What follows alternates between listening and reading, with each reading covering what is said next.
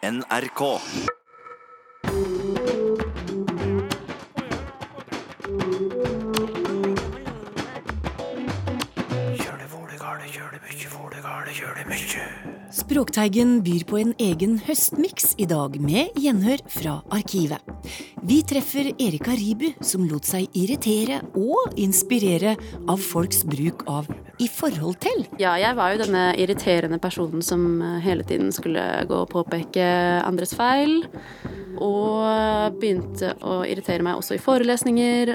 Da dannet det seg på en måte disse fire gruppene, ettersom hvor sterkt påvirket man var av forholdismen, og hvor mye man ønsket å endre det slik at det blir brukt riktig. Og det er ikke enkelt med simpelt. Av og til så må jeg også klø meg litt i huet. Jeg fant en avisoverskrift der det sto 'Simpelt å stjele blomster foran kirka'? utropstegn. For hva betyr det ordet nå til dags? Vel møtt til dagens utgave av Språkteigen.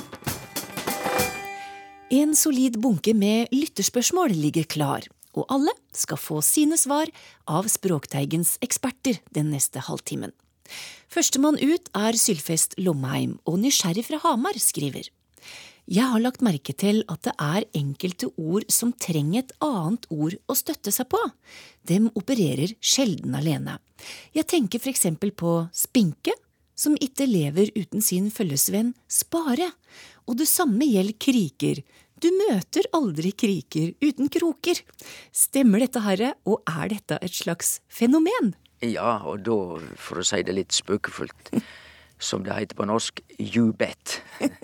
For dette er virkelig et språklig fenomen, og vi kaller det dublering. Altså vi sier det samme to ganger. Og spinker og sparer. Og vi sitter i ro og fred. Ja. Og i eventyra de gikk lenger enn langt. Vi hører vi sier det samme to ganger.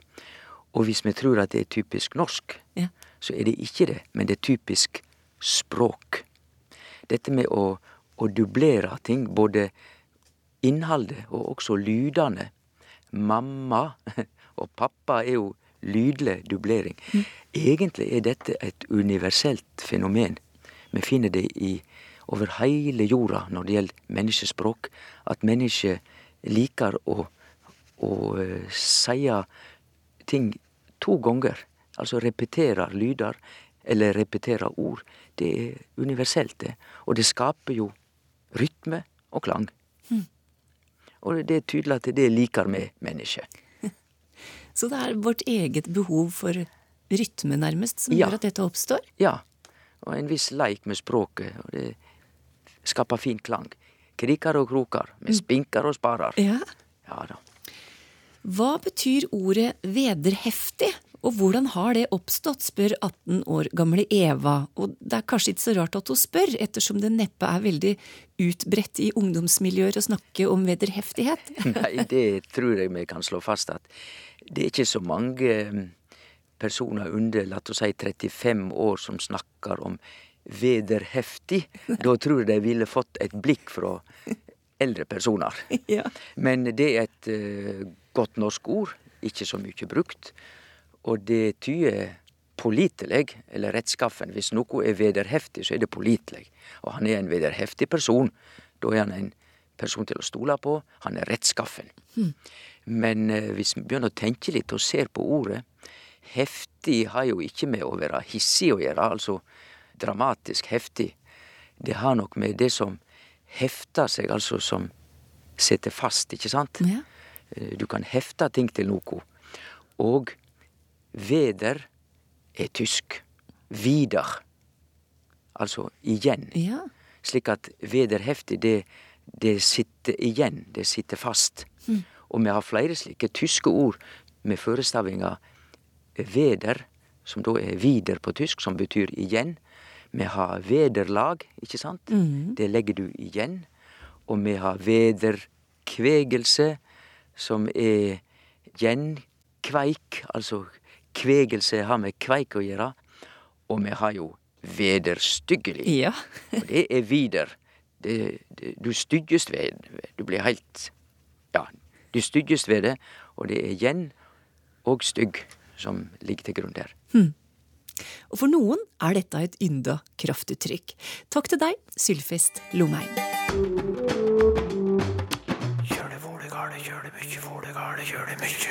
I juli var Erika Ribu gjest i Språkteigen. Hun hadde da gjort et helt uhøytidelig forskningsprosjekt på en språkfeil som flere og flere lider av, nemlig forholdismen. Altså et meningsløst overforbruk av i forhold til. Toril Oppsal forklarer. Det som har skjedd, er at i forhold til har eh, ekspandert og blir brukt overalt, nesten som en form for eh, universalpreposisjon. Erika Ribu oppdaga dette overforbruket da hun skulle skrive masteroppgave i journalistikk om det grønne skiftet. Og hun klarte ikke å legge det fra seg. Nei, det starta med at jeg satt med tekstanalysen uh, av det grønne skiftet, og jeg la merke til enormt mange floskler og klisjeer som fokus, robust, bærekraftig utvikling. Mm. Og ikke minst i forhold til. Altså, det var mye tomt språk og lite innhold. Ja. For jeg hørte det også mye da jeg dro på klimakonferanser og foredrag, og der var det jo enormt mange politikere og næringslivsledere som sa dette her altså så mye. Og særlig i forhold til var jo, kom jo annenhver setning. Så um, jeg la merke til dette og begynte å irritere meg også i forelesninger og hos lærere og professorer, for jeg tenkte at ja, men de har jo formidlingsmakt. De må jo i hvert fall være opptatt av å si dette riktig. Vi skal høre mer om hvordan du ble en del av det noen kaller forholdspolitiet. Men først mer om sjølve begrepet og et par eksempler på feil bruk. Det blir så feil i forhold til verdiskapning og arbeidsplasser og for Norges framtid. Du, Der syns jeg det er ganske utrolig av Arbeiderpartiet her nå, som da trekker inn privatskolene som altså den eneste årsaken til at uh, den svenske skolen uh, da har uh, kanskje gått ned i forhold til nivået. Flere skriver til Språkteigen om dette her, og en av dem som irriterer seg, er Sondre Kvist. Han spør kan dette i det hele tatt brukes til noe annet enn forholdet mellom to variabler, som for eksempel jeg syns du var flink i forhold til hvordan du gjorde det i går. Hva er regla her, og det spørsmålet sender jeg til språkviter Toril Oppsal. Det er helt riktig som lytteren her sier, at dette her er noe som uttrykker en relasjon. Det er noe som handler om sammenligning, særlig av ulike størrelser. Så der huset er stort i forhold til hagen, mm. så er det helt greit å bruke i forhold til. Det som har skjedd, er at i forhold til har eh, ekspandert og blir brukt overalt, nesten som en form for eh, universalpreposisjon. Man bruker i forhold til istedenfor i, på, ved, gjennom, og i samband med tekstbinding når man eh, skriver om med tanke på, så blir det et i forhold til, og når det gjelder, blir i forhold til, og det meste annet blir i forhold til. Og i nesten alle disse eksemplene jeg nevnte nå, så har vi andre muligheter til å uttrykke oss. Men noen ganger så er det sammenligning eller sammenstilling av to ting. Og vi beskriver en relasjon, og da trenger vi i forhold til, særlig når det er et forhold som vi ikke veit helt hvordan ser ut. Mm -hmm. Eller i de tilfellene der det er noe vi ikke vil uttrykke helt tydelig. Åpne spørsmål, f.eks. Hvor ligger hotellet i forhold til flyplassen? Den fungerer også. Fordi vi er faktisk ikke helt sikre på svaret. Mm. Og i disse tilfellene kan du også bruke i forhold til. Men, men det er i alle disse her andre tilfellene hvor det slett ikke trengs å, uttrykkes. Eh, og veldig ofte så finnes det bedre alternativer. For deg, Erika, så gikk dette på søvnen løs, går det an å si, og du ble nærmest høysensitiv for dette. Hvorfor det? Jeg vet ikke helt hvorfor akkurat denne i forhold til satt seg så sterkt, men jeg tror det er noe med den enorme overforbruken hos folk. Og det at også folk øh, ga litt blaffen. Ja, men språket utvikler seg, og dette må du akseptere. Og jeg klarte bare ikke å akseptere det. Ja, og Nylig så skrev du om dette i en kronikk i Aftenposten. Hvordan du starta et uhøytidelig forskningsprosjekt på folks tilnærming til i forhold til. Og hvorfor gikk det så langt? Eh, ja, jeg var jo denne irriterende personen som eh, hele tiden skulle gå og påpeke andres feil. Og, men så begynte jeg å snakke om det her med venner og kjente og ukjente og alle. Og da dannet det seg på en måte disse fire gruppene. Uh, ettersom hvor sterkt påvirket man var av forholdismen, og hvor mye man ønsket å endre det slik at det blir brukt riktig. Ja. Eh, Så det jeg fant ut, var at det fantes en eh, gruppe som var ekstremt påvirket av forholdismen, som syntes det var vanskelig å være i situasjoner hvor det forekom veldig mye. Og rykke til i kroppen hver gang eh, det ble sagt i forhold til. Og gikk til direkte aksjon, da, at de påpekte feilen hos andre. Og så har du eh, gruppe to, som også reagerer veldig sterkt på forholdismen, men som eh, ikke ønsker å si fra like tydelig, eller ikke ønsker å si fra i det hele tatt. Fordi de kanskje syns det er litt uh, ufint å påpeke andres feil. Og språk er jo veldig personlig, ikke sant. Det kan oppfattes som litt arrogant, det å mene at ja, jeg, jeg vet hvordan man snakker, men det vet ikke du, på en måte. Ja, og så har du de i gruppe tre, de som eh, gjorde meg litt bekymret. At eh, nei, men språket utvikler seg, det Sånn får det bare være, og tenkte ikke noe mer over det. Og så gruppe fire som eh, ja, ikke forsto det i forhold til nei, hva, hva er det? Altså, det? Det er vel helt greit. Ja. Ja, For å spørre som gruppe fire, da. Hvorfor er det så nøye? Jeg syns at det å bare tilegne seg nye uttrykk som kommer i språklig utvikling uten å være kritisk til dem, er eh, et problem. Både hos offentlige personer og i vanlig befolkning. For det, da sprer det seg jo også videre i alle retninger. Ehm, men eh, særlig er det jo viktig i, hos dem som har formidlingsmakt. Og så gikk du altså konkret til verks da med en foreleser. Ja. Det starta med at han brukte det så mye at jeg klarte ikke å følge med på det han sa. Særlig for å innlede et nytt tema, så brukte han det mye sånn I forhold til eh, helse er det viktig at vi tenker på kosthold. Og så gikk jeg da og sa til han eh, du bruker det helt feil.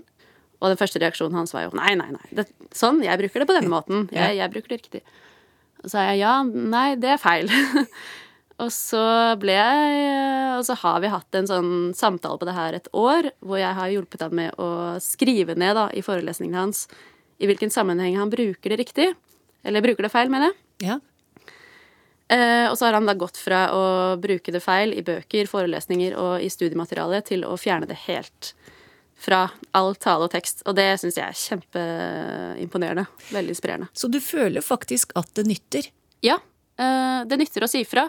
Kom dere som er fra, i gruppe to, kom dere opp til gruppe én, begynn å si fra. eh, på en humoristisk måte. Ha det gøy med dette. Jeg vil ikke gi meg før, det, før jeg i hvert fall har prøvd. Til slutt, hvilken gruppe hører Toril Oppsal hjemme i? Jeg var med i den høysensitive gruppa lenge, men etter hvert så har jeg gått litt nedover i grupperingene. Men jeg gir ikke blaffen. Det gjør jeg ikke. Jeg vil en ting er å påpeke feil, jeg er kanskje ikke så opptatt av det, men en annen ting er å løfte fram alternativer. Her har vi så mange fantastiske preposisjoner på norsk. Bruk dem! Det får bli sluttappellen i dag. Legg bort i forhold til. Finn fram preposisjoner. Erik Aribu har mastergrad i journalistikk, og Toril Oppsal er en av Språkteigens faste språkvitere. Neste spørsmål kommer fra Einar O. Hanserud og går til Tor Erik Gjenstad. Einar skriver for et par år siden var vi på Island og la merke til at flere gatenavn hadde ordet braut i seg. Dette minna meg om bestefaren min som gikk ut på kalde, klare vinterkvelder og spådde været i Hellebrautet, altså Mjølkeveien. Er dette ordet braut fra gammelnorsk og har overlevd i min og andre norske dialekter, spør han. Ja, altså norrønt braut, det betydde vei, eller veg. Og det har vært såpass vanlig i tradisjonell dialekt at det er oppført med denne betydninga uten særskilt heimfesting i norsk ordbok. Det er jo sammenheng med, med å brøyte og å bryte, da. Så det er i utgangspunktet en vei som er grovet inn i uh, i snø. Altså brøtt opp i snø eller grovet inn i en bakka. Så braut eh, om vei, det, det er helt greit. Og så får du da en del sammensetninger for det her eh, Melkeveien, eller Mjølkevegen, eh, som vi ser på himmelen.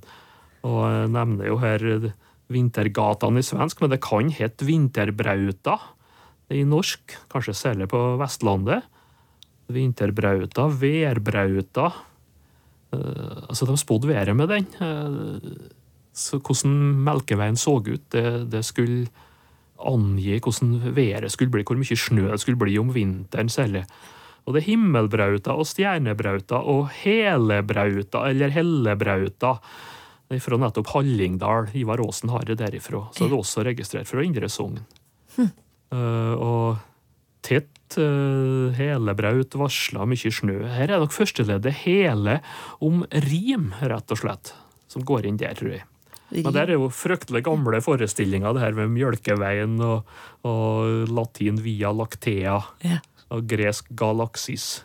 Og det er jo den greske myten her, da, om eh, Herakles, eh, som var plassert ved brøstet til Hera uten at hun visste om det. Og så ble hun, det der og fjerna ungen, og så spruta brøstmjølka utover himmelen.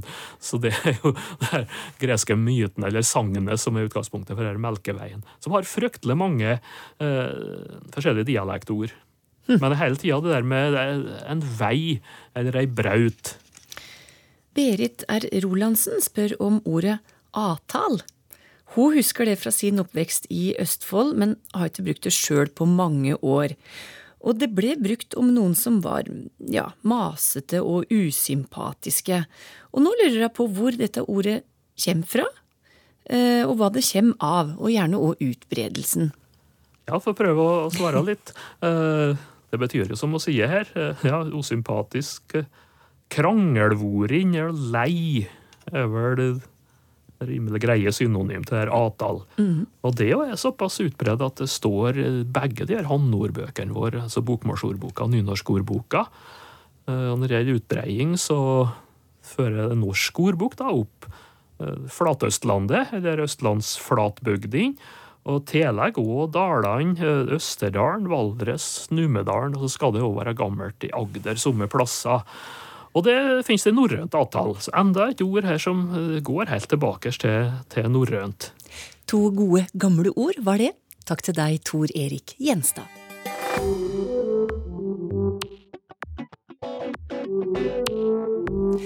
Disse kalde føtter når noen angrer seg eller feiger ut, hva kommer det av, spør Vale Klingsheim på Twitter. Og det spørsmålet sender jeg til deg, likvisst eh, Georg Kjøll. Kalde føtter, hva kommer de av? Ja, igjen eh, så er dette et uttrykk som er litt vanskelig å forklare, som tilfellet er med mange faste uttrykk. De har fått eh, et eh, eget liv ut fra en bokstavelig mening ofte, eller en forhistorie, og det er ikke alltid vi kjenner den, eh, denne forhistorien. Men her er det to teorier da, som innimellom dukker opp som forklaring for at kalde føtter kan bety å være engstelig for å gå videre med noe, eller være redd for, redd for konsekvenser.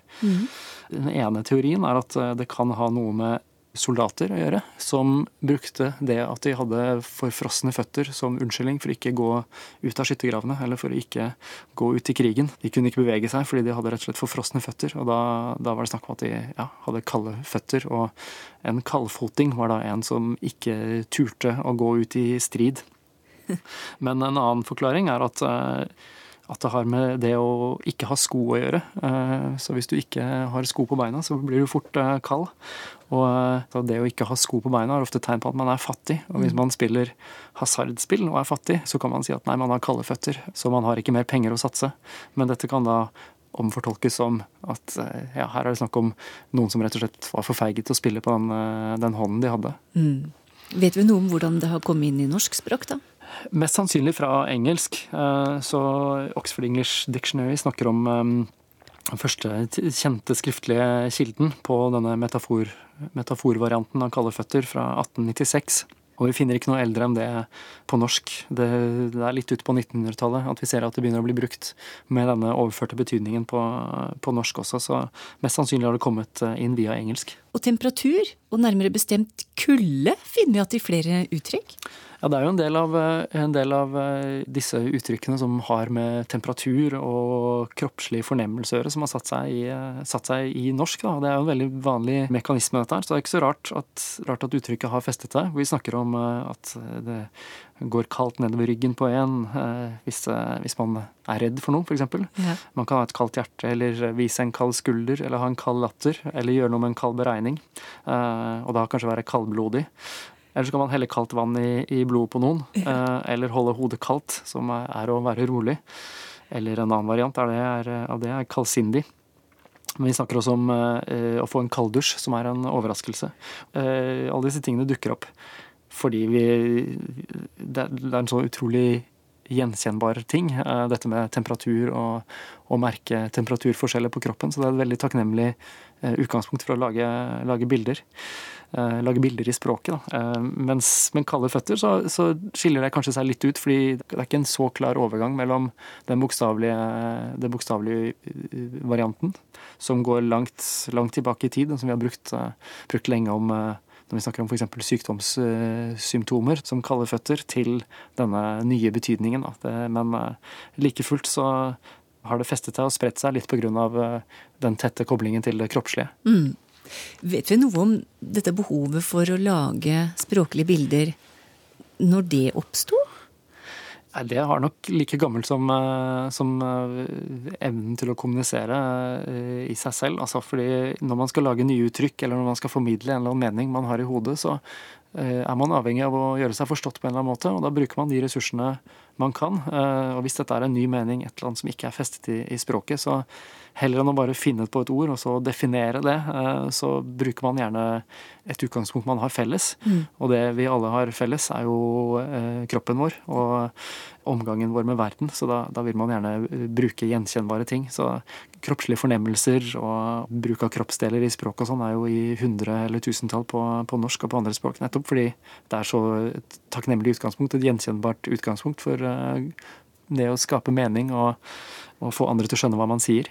Og så uh, har man ikke tid til å drive og definere ting, eller og så blir det litt sånn ustilig å si så nå skal jeg bruke et nytt ord, så dermed nå må du følge med, for det betyr sånn og sånn. Da er det mye lettere å heller trekke på noe som er litt gjenkjennbart, og så stole på at uh, mottakeren skjønner uh, sammenhengen og klarer å resonnere seg fram til det. Mm. Språk er jo i stor grad en, en gjettelek, og dette er et, et resultat av det. Mm.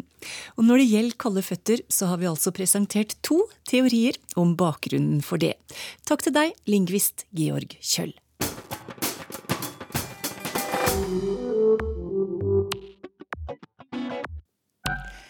Er simpelt det samme som enkelt nå, spør Solbjørg Sviland. Både unge og eldre bruker ordet, men med forskjellig betydning. Så Toril Oppsal, er simpelt det samme som enkelt nå? Simpelt er det samme som enkelt opprinnelig. Åh. Latin simplex betyr enkel eller usammensatt. Og den opprinnelige betydningen enkel og grei, den har vi fortsatt i bruk i norsk. Men veldig ofte i tilknytning til faste uttrykk. Man kan snakke om at noe er ens simple plikt, mm. f.eks. Mm. Um, Simpelt hen, Simpelt flertall. Simpelt tyveri.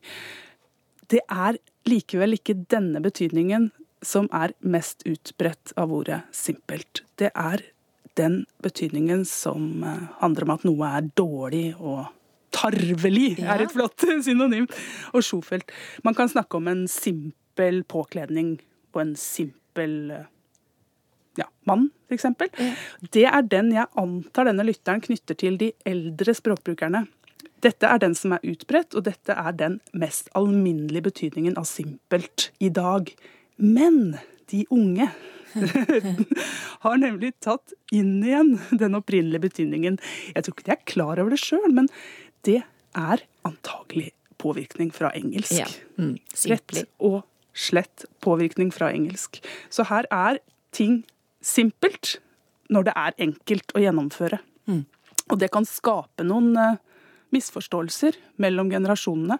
Og av og til så må jeg også klø meg litt i huet. Jeg fant en avisoverskrift der det sto 'Simpelt å stjele blomster foran kirka'? utropstegn. Jeg tenkte jeg ja, hvis ikke de har noe overvåkningskamera, så er det vel ganske enkelt. Men samtidig så var det jo dette var en veldig veldig trist historie, der en hadde brukt tid og energi på å plante og gjøre det fint, og så kom noen og stjal blomstene. Så her var det den tarvelige og sjofle betydningen som lå til grunn. Men, men for noen yngre mennesker i dag så vil denne være ikke engang tvetydig. Der er det det at du faktisk bare kan gå og forsyne deg med blomster ja. foran kirka. Hvordan skal vi forholde oss til dette her, ja? Ja, det er å være våken og sjekke sammenhengen der noe forekommer. Her fikk jo jeg gleden av å lese en lengre, lengre avisartikkel i dette blomstertyveritilfellet. Eh, samtidig så vil jeg nok oppfordre eh, eldre til å påpeke yngres bruk av simpel. I hvert fall gjøre dem klar over at det har flere betydninger. Mm. Uten å nødvendigvis kunne stoppe det toget. Eller for å si det på en annen måte, det er ikke simpelt. ja. Hvordan lyder det når man hører skoggerlatter, spør Oddgeir Johansen. Og, og, latter er greit, men skogger? Ja. Hva betyr det? Jo, du, dette nå, nå, var jeg litt redd for at dette var noe jeg skulle prøve å illustrere. Eh, og det kan jeg for så vidt, men, men, det hadde vært enda bedre hvis vi nå var på TV, tror jeg. For her er det snakk om å le bråkete. altså le på en så omfattende måte at du ikke bare bråker, men du rister i hele kroppen. Det er en kraftig latter. Les og du rister. Eh, kan du se det for deg? Absolutt. Det er eh, veldig visuelt. Dette, så, her, altså. dette er veldig visuelt, men i utgangspunktet så er det nok noe å høre. Eh, dette her er et eget verb. Å skogre. Og det betyr nettopp å le bråkete. Dette verbet er som en del andre ord vi har vært borti, det er nok et lydmalende ord. Mm. Det å si 'skogre', det, det, det, er bråkete. Så her var det sikkert noen som måtte skru ned volumet på radioen sin. Men, men, det er et uh, lydord, et verb, og skogre, som resulterer i skoggerlatter, som er forferdelig bråkete, men antagelig også hyggelig når det inntreffer. Ja, absolutt. En god latter kan neppe skade noen. Takk til deg, Toril Oppsal, og takk for i dag.